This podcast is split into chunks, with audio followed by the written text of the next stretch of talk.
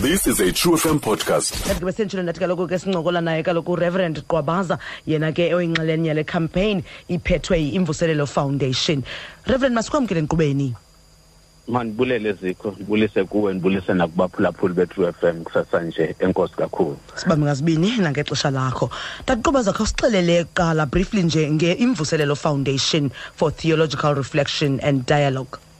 Eh enkosi zikho em imvuselelo foundation eh ngumcimbi wabafundisi abathile eh abathi badibana ngenhloko eh bekhokelwa ke ndim ndiyaqiniseka. Mhm. Eh okokuba make sibe nale ndawo yozawudibana sijonge ke izinto ezininzi kweli xesha sikulo ngoku but eh, in summary i-foundation le is the ecumenical accompaniment program.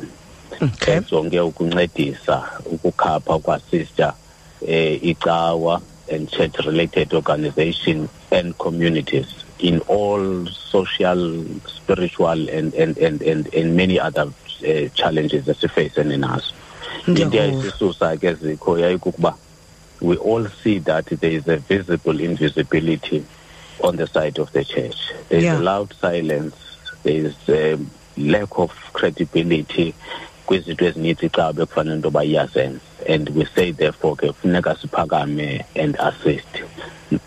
Ndikuva kakuhle reverend. Khawus masithethe ke ngoku nana ngecampaign lena niyiqalileyo. Ingaba mhlawumbi into nebangele uba niqonde uba um kufanelekile kubekho icampaign ekumila kolu hlobo?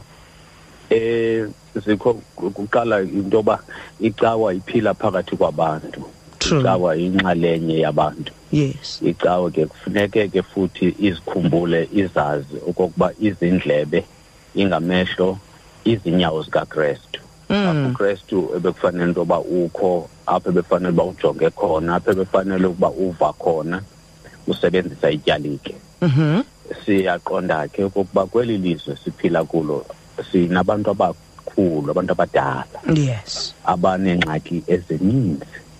Eh zokubulawa kuthiwe bayathakatha abanye bayadlwengulwa abanye ba-abhuzwa Mm. but nangaphezu kwaloo nto abanye bahlala nabazukulwana abaninzi eh nabantwana abangaphangeliyo bexhomekeke kwezi mali nezibonelelo zikarhulumente.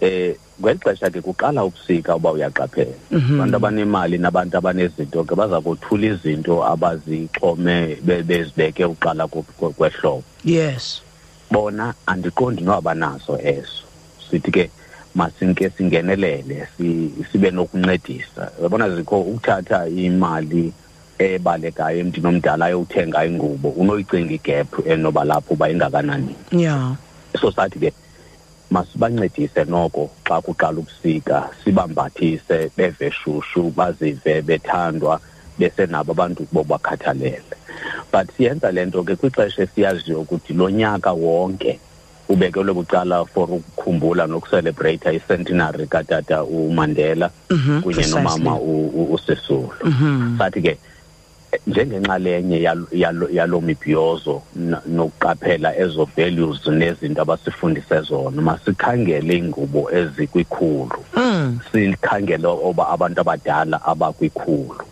Sibambese ngezi ngubo njengomyalezo eh nosikhumbuzayo thina bantu ba ake siphinde sikhumbule into yoba ootata umandela nomama usisulu babephilela ntoni na sikude kangakanani na kwezo zinto babeziphilela? So zizo ke izinto ezisisusayo ke ezikho. Ndikuva kakuhle reverend. Ingaba ke ngoku nizawuzihambisa njani okanye nini iingubo ezi? Eh ingubo ezizona si siququzelele umsitho obambe buba inkonzo okay. Yem- yemvaba zonke. Kulaa mandla wase kulaa mandla wase wase Thornhill eh eh eh, ngaphaya kwe kwe Queenstown kwindawo kuthiwa intabethemba aha.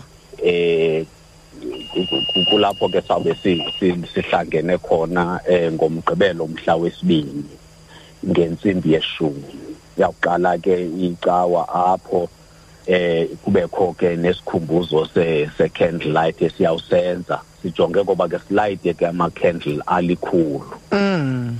Eh njengoba sabe sinikezela nengubo ezi ezi ezilikhulu eh inkonzo ke le iyawuqhuba ine mithandazo eh ne- neentetha zexaso ezisuka kubaphathiswa bakarhulumente kusodolophi wase-enoch mgijima eh, kwi- kwi-moral regeneration movement usihlalo utatunga ngomhlaba amathanzima ubishop uandle mbethe uyawube senza intshumayelo yosuku.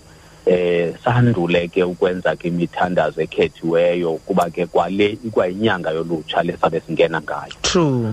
Eh sizawubeka bucala abantu abazawugxila e- elutsheni bethandazela imicelimngeni ejongene lolutsha lethu nezinye ke i-social ills and challenges esijongene nazo sandule Okay. ke ugqithisa ke ezo ngubo. Sicele ke the local authority yaphaya u- u-ward councillor nabantu asebenza nabo. Basincedise in identifying these needy people. Mhm eh kuzoba lula kuba bona bahleli nabo aba bantu bayabazi. Okay. Eh they are busy ke kulo msebenzi uyenziwa kakuhle so that uzokwenziwa kakuhle ngempumelelo kungekho bantu esibashiya ngaphandle bekufanele into basibafumene right. Bawuqobaza umuntu ke ngokufuna ufaka isandla mhlawumbi ingaba angenza kanjani yena okanye angaqhagamshelana nani ngoluphi uhlobo? Eh singayivuyela kakhulu lonto eh ukuba abantu banganenjongo zokusincedisa eh si- singayibethela izandla kakhulu sikelelekile isandla esiphayo kakhulu. Bangasicontacta ke abantu kwe abafuna usibhalela i-email bangasithumelela kuqwabazarev@gmail.com abafuna ukusifowunela they can call us on 060 760 6255 sithethe ke ngendlela izibheka phambili uba sawuncedisana njani na ukubheka phambili. Alright ndikuvile kakhulu. Bawuqobaza masibambe ngazibini sibulele kakhulu nakuwe nenza umsebenzi oncomekayo. Thank you so much. Bulele kakhulu ngethuba enisiphelo na siyathemba okokuba le mini uthixo uyenzile yaye iyaba nempumelelo kakhulu. Siba mazozibini kuni ngexesha enisiboleke lona. Pleasure is all ours thank you so much Find us online on truefm.co.za.